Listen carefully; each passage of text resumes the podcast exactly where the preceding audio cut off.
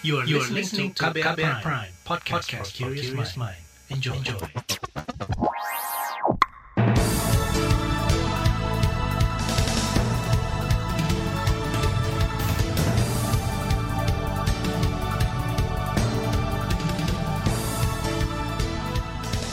Selamat pagi saudara, senang sekali kami bisa menjumpai Anda kembali melalui program Buletin Pagi edisi Kamis 23 September 2021 bersama saya Naomi Liandra.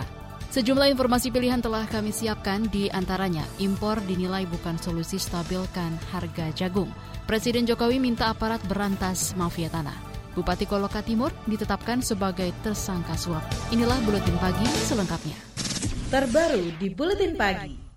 Saudara, kenaikan harga jagung untuk pakan ternak terus menuai polemik. Saat ini harga jagung di tingkat petani meroket hingga menembus Rp6.000 per kilogram.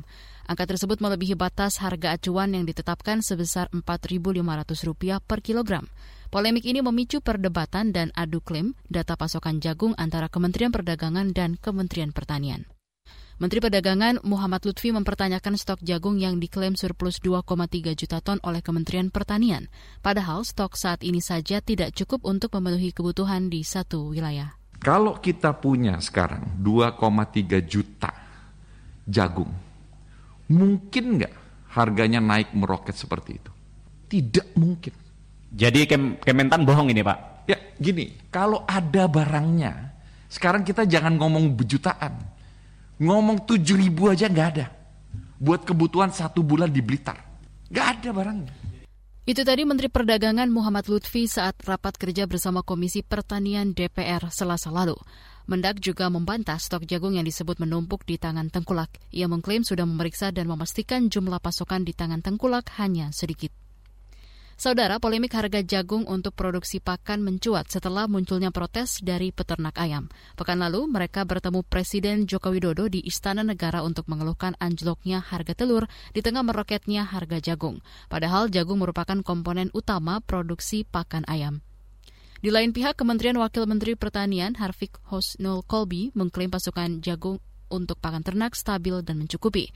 Kata dia persoalannya ada pada masalah distribusi jagung ke peternak. Sebenarnya permasalahan utama adalah bagaimana mensinkronisasi persoalan antara uh, pengusaha pakan baik itu yang besar maupun yang kecil terhadap para peternak-peternak rumahan yang memang dalam hal ini uh, sangat dirugikan sementara ini. Wakil Menteri Pertanian Harvik Hasnul Kolbi menyebut hingga tengah bulan kemarin stok jagung untuk produksi pakan mencapai 2,3 juta ton. Kata dia solusi mahalnya harga jagung adalah membenahi sektor distribusi. Hal ini untuk mencegah permainan harga di pasaran. Menurut data Kementan, kebutuhan konsumsi jagung pakan ternak pada tahun ini mencapai 10 juta ton, sedangkan produksi nasional ditargetkan lebih dari 20 juta ton. Artinya untuk konsumsi dalam negeri sudah sangat tercukupi sehingga tidak perlu mengimpor jagung. Sementara itu di tingkat peternak, realita berkata lain. Pasokan yang diklaim melimpah ini tak selaras dengan membumbungnya harga jagung. Akibatnya banyak peternak ayam petelur yang kini siap bangkrut. Hal itu diungkapkan Ketua Perhimpunan Insan Perunggasan Rakyat Indonesia Pinsar Jawa Tengah, Suwardi. Untuk stok pakan ayam yang jelas harganya naik secara terus mulai ta September 2020 sampai hari ini pakan produk pabrik naik terus, jagung juga naik. Kami tidak bisa membeli pakan hanya mencukupi untuk kebutuhan satu dua hari karena harga telur hancur. Untuk harga pakan sudah naik sampai 15 sampai 20 persen, Mas. Ketua Perhimpunan Insan Penunggas, Perunggasan Rakyat Indonesia Pinsar Jawa Tengah Suwardi menuturkan, saat ini banyak peternak merugi berlipat karena harga pakan ternaknya naik sementara harga telur ayam anjlok. Akibatnya tidak sedikit peternak yang memotong sepertiga dari jumlah total ternak ayamnya. Lonjakan harga jagung pakan ternak dinilai wajar karena kondisi paceklik. Hal sebaliknya terjadi saat panen raya pada Maret hingga April lantaran stok melimpah. Menurut pakar pertanian sekaligus guru besar IPB Bogor, Dwi Andrea Santosa, impor untuk menstabilkan harga bukanlah langkah tepat, sebab tak lama lagi sejumlah daerah akan masuk masa panen jagung.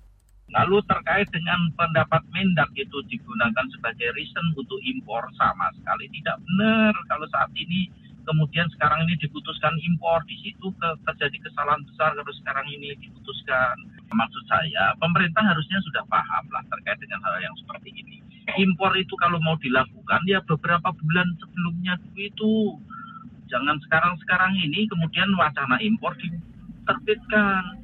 Sudah terlambat. Pakar pertanian dari IPB Bogor, Dwi Andrea Santosa berpandangan anjloknya harga telur tak ada kaitannya dengan kenaikan harga jagung.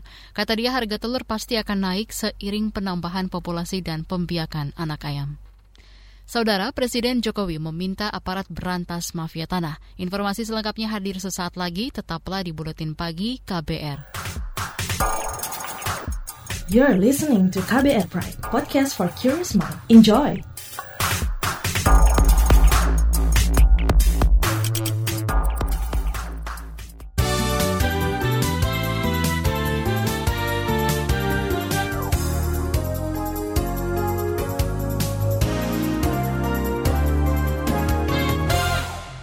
Anda sedang mendengarkan Buletin Pagi KBR. Presiden Joko Widodo mengingatkan kepolisian bersikap tegas ketika berhadapan dengan mafia tanah. Kepolisian jangan malah melindungi para mafia lahan yang selama ini sering merugikan masyarakat. Jokowi tak ingin konflik agraria terus berlarut. Saya juga kembali mengingatkan bahwa pemerintah berkomitmen penuh dalam memberantas mafia-mafia tanah. Pada jajaran Polri, saya minta jangan ragu-ragu mengusut mafia-mafia tanah yang ada, jangan sampai juga ada aparat penegak hukum yang membackingi mafia tanah tersebut. Perjuangkan hak masyarakat dan tegakkan hukum secara tegas. Presiden Joko Widodo menambahkan pemerintah berupaya memfasilitasi masyarakat khususnya petani agar memiliki lahan. Salah satunya dengan membagikan 120-an ribu sertifikat tanah hasil retribusi lahan di 26 provinsi. Langkah ini diharapkan mampu menekan konflik agraria. Menko Kemaritiman dan Investasi Luhut Binsar Panjaitan melaporkan Direktur Lokataru Haris Azhar dan Koordinator Kontras Fatia Maulida ke Polda Metro Jaya. Kasus ini bermula dari unggahan video di YouTube Haris Azhar yang berjudul Ada Lord Luhut di balik relasi ekonomi ops militer Intan Jaya. Haris dan Fatia dilaporkan atas dugaan pencemaran nama baik dan penyebaran berita bohong. Mereka juga dianggap Luhut tidak kunjung meminta maaf setelah dua kali somasi. Kamu udah dibilang somasi oleh Pak Juniper dua kali, nggak ada juga. Ya kan udah cukup. Masa kita mau terus-terus? Kan semua itu tidak ada kebebasan absolut. Saya ingin ingatkan kepada publik ya, tidak ada kebebasan absolut. Semua kebebasan bertanggung jawab. Jadi saya punya hak juga untuk membela anu hak asasi saya. Ya, jadi karena saya tidak melakukan itu, tidak ada. Dan saya sudah minta bukti-bukti, tidak ada. Itu tadi Menko Marves Luhut Binsar Panjaitan. Sementara itu, kuasa hukum Luhut, Junifer Girsa menyebut kliennya juga turut membuat laporan perdata kepada kedua terlapor sebesar 100 miliar rupiah. Di lain pihak, Direktur YLBHI Aswinawati menilai kritik yang disampaikan Koordinator Kontras Fatia Maulidianti dan aktivis HAM Haris Azhar bukan untuk Luhut sebagai pribadi, melainkan sebagai pejabat publik. Karena itu laporan yang dilakukan Luhut terkait dugaan pencemaran nama baik sangat tidak tepat. Kita ke informasi ekonomi. Wakil Presiden Maruf Amin mengatakan Indonesia berpeluang menjadi negara terbesar di sektor ekonomi dan keuangan syariah. Potensi besar itu meliputi sumber daya maupun produk ekonomi syariah. Dengan potensi yang kita miliki dan usaha serta kolaborasi antara semua semua pemangku kepentingan, kita harapkan ekonomi dan keuangan syariah akan mampu membangkitkan ekonomi rakyat dan memberikan kontribusi yang lebih besar bagi perekonomian nasional. Wakil Presiden Maruf Amin menambahkan dari sisi penawaran Indonesia juga memiliki sumber daya pengembangan ekonomi syariah. Sementara dari sisi permintaan, Indonesia diklaim sebagai pasar potensial bagi ekonomi syariah, baik di sektor keuangan, produk makanan halal, fashion musim, dan sosial Islam serta bisnis syariah. Saat ini Indonesia berada di peringkat kelima negara dengan aset syariah terbesar di dunia. Kita ke informasi olahraga dimulai dari ajang Liga Spanyol. Real Madrid memuncaki klasemen setelah mencukur Real Mallorca di 6-1 Stadion Santiago Bernabeu Kamis dini hari waktu Indonesia. Pesta gol Madrid disumbang Marcio Asensio yang mencetak hat-trick 3 gol, Karim Benzema 2 gol dan satu gol lain oleh Isco. Sementara gol semata wayang tim tandang Mallorca dicetak Lee Kang-in. Dengan hasil ini, Los Blancos mengemas total 16 poin atau unggul 2 poin dari rival terdekatnya Atletico Madrid bergeser ke Piala Liga Inggris. Manchester United menelan kekalahan saat menjamu West Ham United 0-1. Dalam laga Kamis dini hari, setan merah tak menurunkan Cristiano Ronaldo. Gol tunggal kemenangan The Hammers dicetak Manuel Lanzini pada menit ke-9. Dengan hasil ini, skuad MU tersingkir dari ajang Piala Liga. Kekalahan itu juga menjadi kekalahan pertama di kandang bagi MU sejak ditumbangkan Liverpool akhir musim lalu. Beralih ke informasi mancanegara.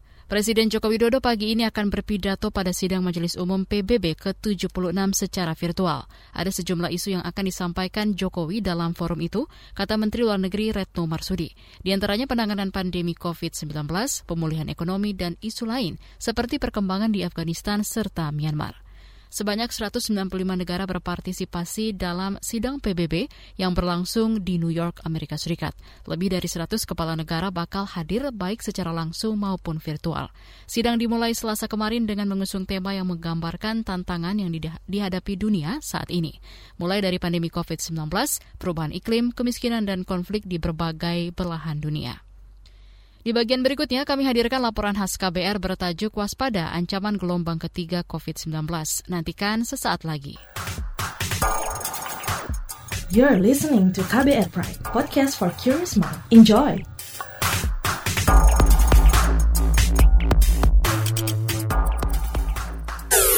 Commercial break. Transfer ke sini udah, bayar ini juga udah. Ke gue udah. Heh, pertumbuhan ekonomi tuh lagi melambat, persis kayak tabungan gue. Betul banget. Harus matang ngelola keuangan. Pengennya tuh investasi sesuatu gitu ya. Apa gitu yang cocok dan menguntungkan? Hmm, coba dengerin uang bicara deh. Gue belakangan lagi dengerin podcast itu di KBR Prime reksadana yang tadinya 500 juta udah turun dari 250 juta sekarang 10 ribu. Sama kita ngopi mahalan mana? Ketika itu ada keputusan yang kayak begitu investor harus tahu gitu oh ada keputusan ini berarti implikasinya apa? Orang mungkin perluas literasi kamu lewat podcast Uang Bicara. Uang Bicara menavigasi kamu dengan menghadirkan bahasan-bahasan seru dan populer mulai dari investasi sampai kebijakan. Dipersembahkan oleh KBR Prime dan bisa didengarkan di KBR Prime, Spotify, dan platform mendengarkan podcast lainnya. KBR Prime, podcast for curious mind.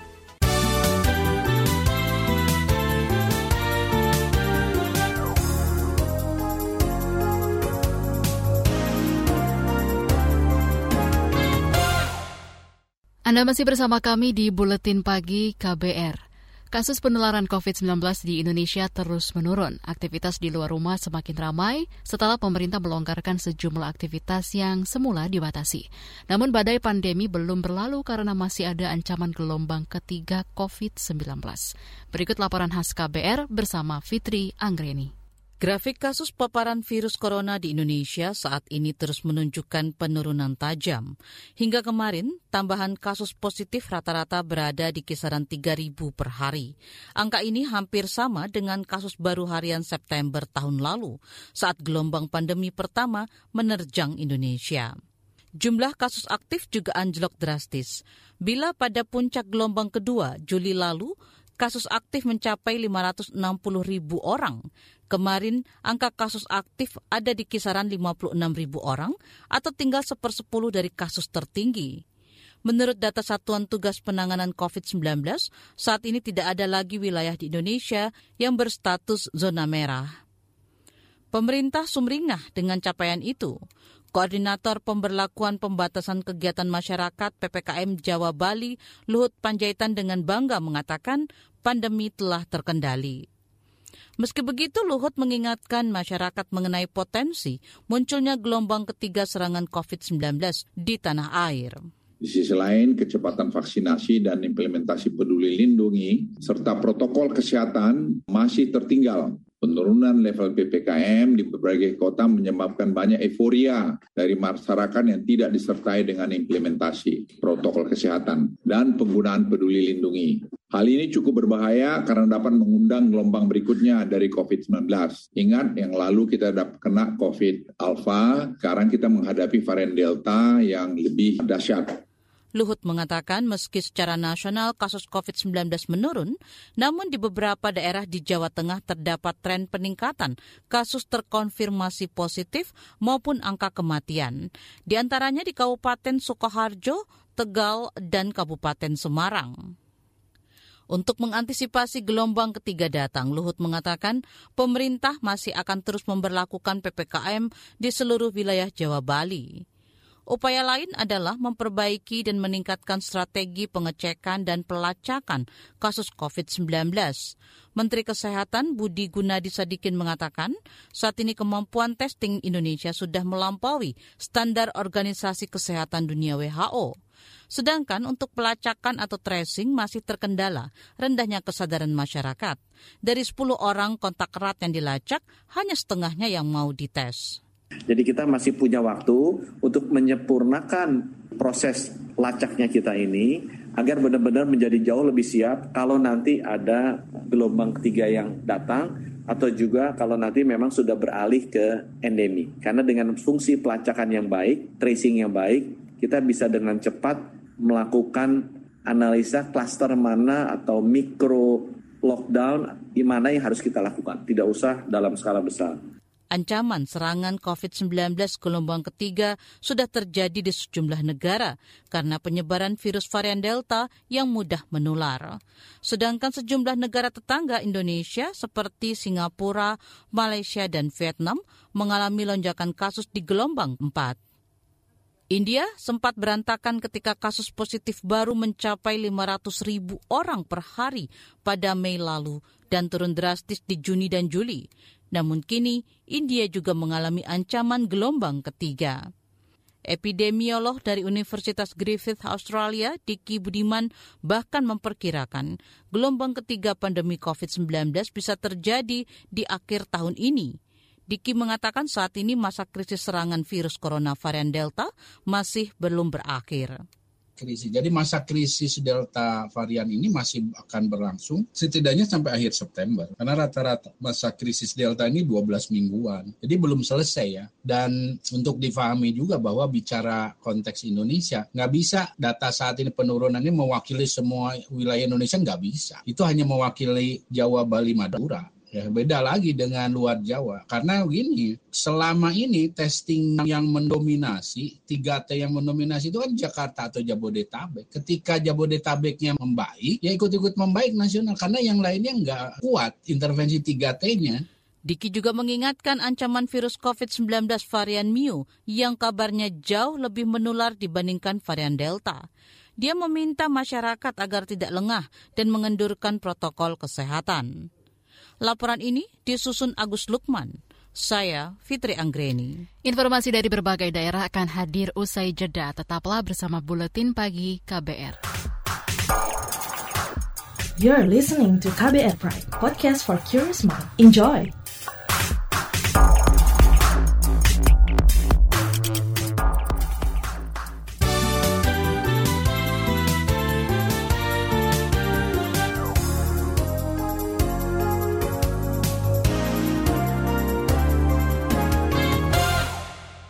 Inilah bagian akhir buletin pagi KBR.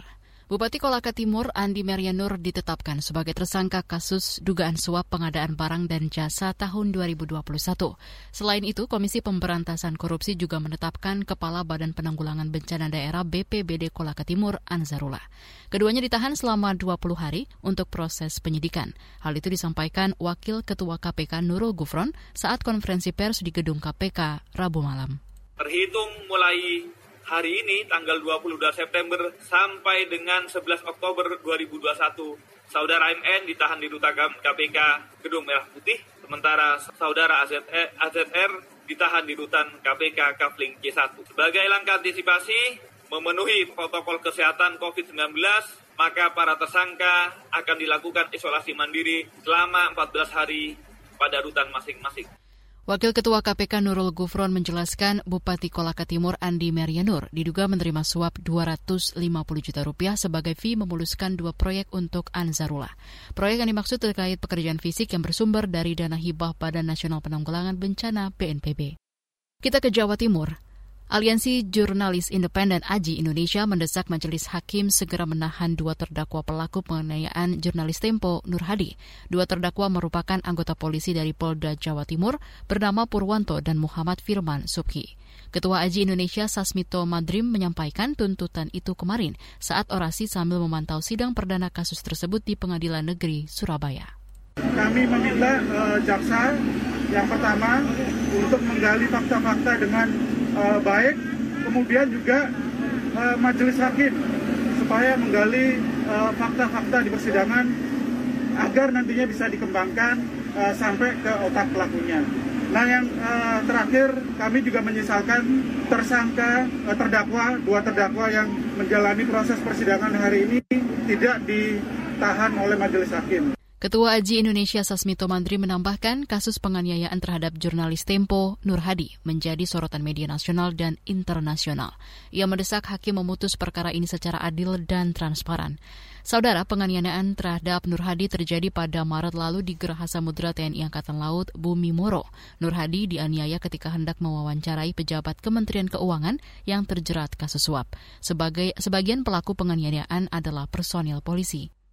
Kita ke Jawa Barat. Kadar alkohol dalam disinfektan fermentasi limbah buah atau ekoenzim disebut tak bisa mematikan virus corona. Hal itu disampaikan Kepala Laboratorium Mikrobiologi Terapan di Universitas Pajajaran, Mia Miranti Rustama, untuk merespon klaim Wakil Gubernur Jawa Barat, U. Ruzanul Ulim, tentang khasiat ekoenzim dalam melawan virus corona.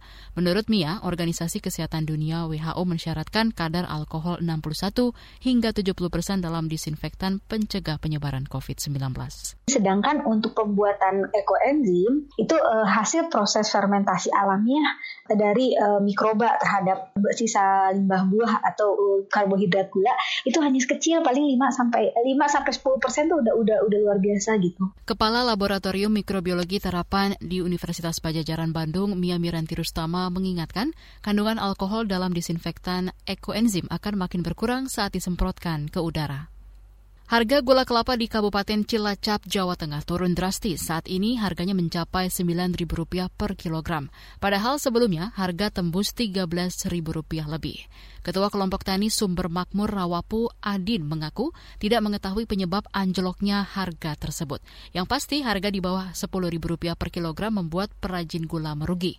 Karena saat ini biaya produksinya semakin tinggi seiring naiknya sejumlah komponen seperti kayu bakar. Agar petani sejahtera, idealnya gula kelapa dihargai Rp11.000 per kilogram. Informasi tadi menutup jumpa kita di Buletin Pagi hari ini. Pantau juga informasi terbaru melalui kabar baru, situs kbr.id, Twitter kami di akun @beritaKBR, serta podcast di alamat kbrprime.id. Akhirnya saya, Naomi Liandra, bersama tim yang bertugas, undur diri. Salam.